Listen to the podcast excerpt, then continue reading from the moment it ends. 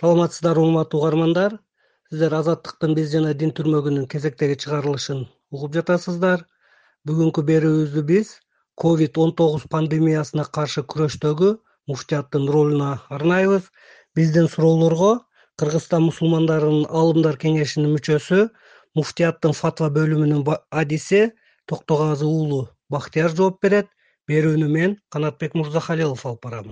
Биз жана дин акыркы күндөрү өлкөбүздө коронавирус жана өпкөнүн сезгенүү ооруларынын кесепетинен көптөгөн мекендештерибиз каза болууда аларды акыркы сапарга узатуу жараяны көптөгөн адамдардын катышуусунда өтүп жатат. Бул жерде ооруну жуктуруп алуу ыктымалдуулугу жогорку экенин дарыгерлерибиз тынбай эле айтып келүүдө? Коронавирустан кайтыш болгон адамды акыркы сапарга узатуу боюнча кыргызстан мусулмандарынын дин башкармалыгы атайын фатва дагы чыгарган муфтияттын бул чечиминде көз жумган адамды жуу кепиндөө жана жерге берүү маселелеринде кандай шарттар камтылганын айта кетсеңиз.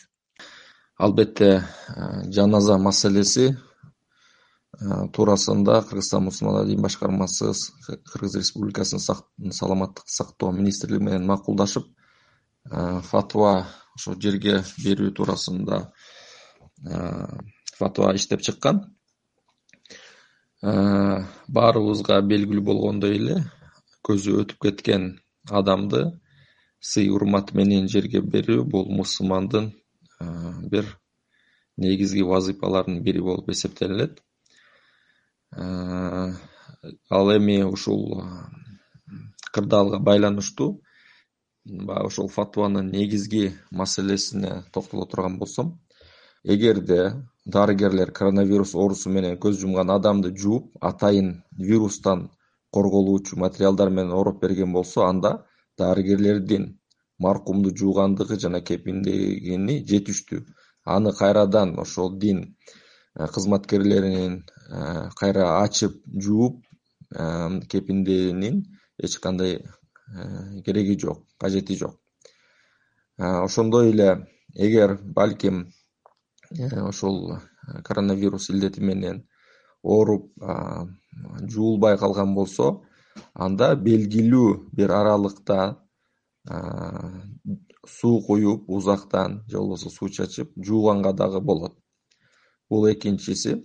Ошондой эле маркумду жууда кандай бир коркунучтар болгон болсо тиештүү адистердин көрсөтмөсү негизинде коргонуучу кийимдерди кийип сөөккө таям кылдырууга дагы болот. Эми мунун баардыгы айта турган болсом ошол кесипкөй өз э, адисине байланыштуу адамдардын чечимине караштуу тийиштүү. Ошондой эле коронавирус оорусу менен кайтыш болгон адамга жаназа окуу жана ошондой эле анын денесин шариятка ылайык жерге берүү милдеттүү болуп эсептелет денени өрттөп же кислота жана башка химиялык каражаттарды колдонуп көмүүгө шариятта уруксат берилбейт. Албетте этияттык үчүн вирустан корголуучу коргоочу э, жолдордун жардамы менен жерге берилиш керек. Сөөктү шарияттык салттык тартипке казылган көрүстөнгө кепин менен көмүү э, кооптулук жарата турган болсо анда атайын э, өлүк салуучу каражат же табыт менен көмүүгө дагы болот. Кырдаалга жараша жана зарылчылыктан улам ушул иштерди аткарып жатсак да мусулман бир туугандарыбыз астында акыркы диний вазыйфаларыбызды аткарып жатабыз деген аң сезимде болушубуз керек. Илдеттен каза болгон маркумдарга жаназа намазын окууда имамдарыбыз ушул фатванын аткарылуусу боюнча кандай иштерди аткарышууда муфтият аны көзөмөлдөп жатабы бул фатванын ошол ишке ашырылуусу туурасында биз э, бүт фатваны баардык аймактарга баардык жерлерге э, жеткиргенбиз ал эми э, бул фатванын ишке ашуусу ар кандай тартипте же болбосо ар кандай абалда жүрүп атат десем жаңылышпайм себеби кээде биз ошол фатвада ошол эле башка Э, тапшырмаларда биз э, айтып атабыз. Баягы элдер көп чогулбасын өзүнүн жакын туугандарынын арасында э, жерге берилсин деп. Бирок кээде коомчулук арасында абройлуу аттуу баштуу адамдар боло туруп көзү өтүп кеткен болсо кээде кандай көп адам келип дагы катышып калып атат. Колдон келишинче биз ошол фатванын туура жана так аткарылышын көзөмөлдөп сунуш пикирлерди айтып келе жатабыз. Биз жана дин. Сегизинчи июндан тарта өлкөбүздөгү мечиттерде намаз окууга уруксат берилген аралыкты сактоо менен намаз окуу дезинфекция иштерин тынбай жүргүзүү айтылган бирок мечиттерде оору таратуучу жайлардын катарын толуктап жатат деген ойлор дагы жок эмес учурда мечиттерде дезинфекцияны ким жана кандай тартипте кылууда? Өлкө боюнча баардык мечиттер күнүнө дезинфекцияланып жатат деп муфтият кепилдик бере алабы республикалык ыкчам штабтын чечимине ылайык кыргыз республикасынын аймагындагы мечиттерге чектөөлөр. Алынгандыгына байланыштуу санитардык сактык чараларын толук сактоо менен бирге мечиттер жана намазканалар ушул эки миң жыйырманчы жылдын сегизинчи июнунан баштап ишке киргизилген. Өлкө аймагында баардык мечиттерде даярдык жана түшүндүрүү иштери жүргүзүлүп кыргыз республикасы саламаттык сактоо министрлигинин алгоритмине ылайык беш убакыт намаз жамаат намазы жума намаздарын өткөрүү максатында мечитке келүүчүлөрдүн э, төмөндөгү эрежелери так аткарылуусу атайын азирети э, муфтийдин буйругу негизинде талаптар жана сунуштар иштелип чыгып ишке ашырылды ал талаптар айта турган болсок күнүмдүк беш убакыт намазга жана жумага келүүчү жарандардын бет кап тагынуусу талап кылынат.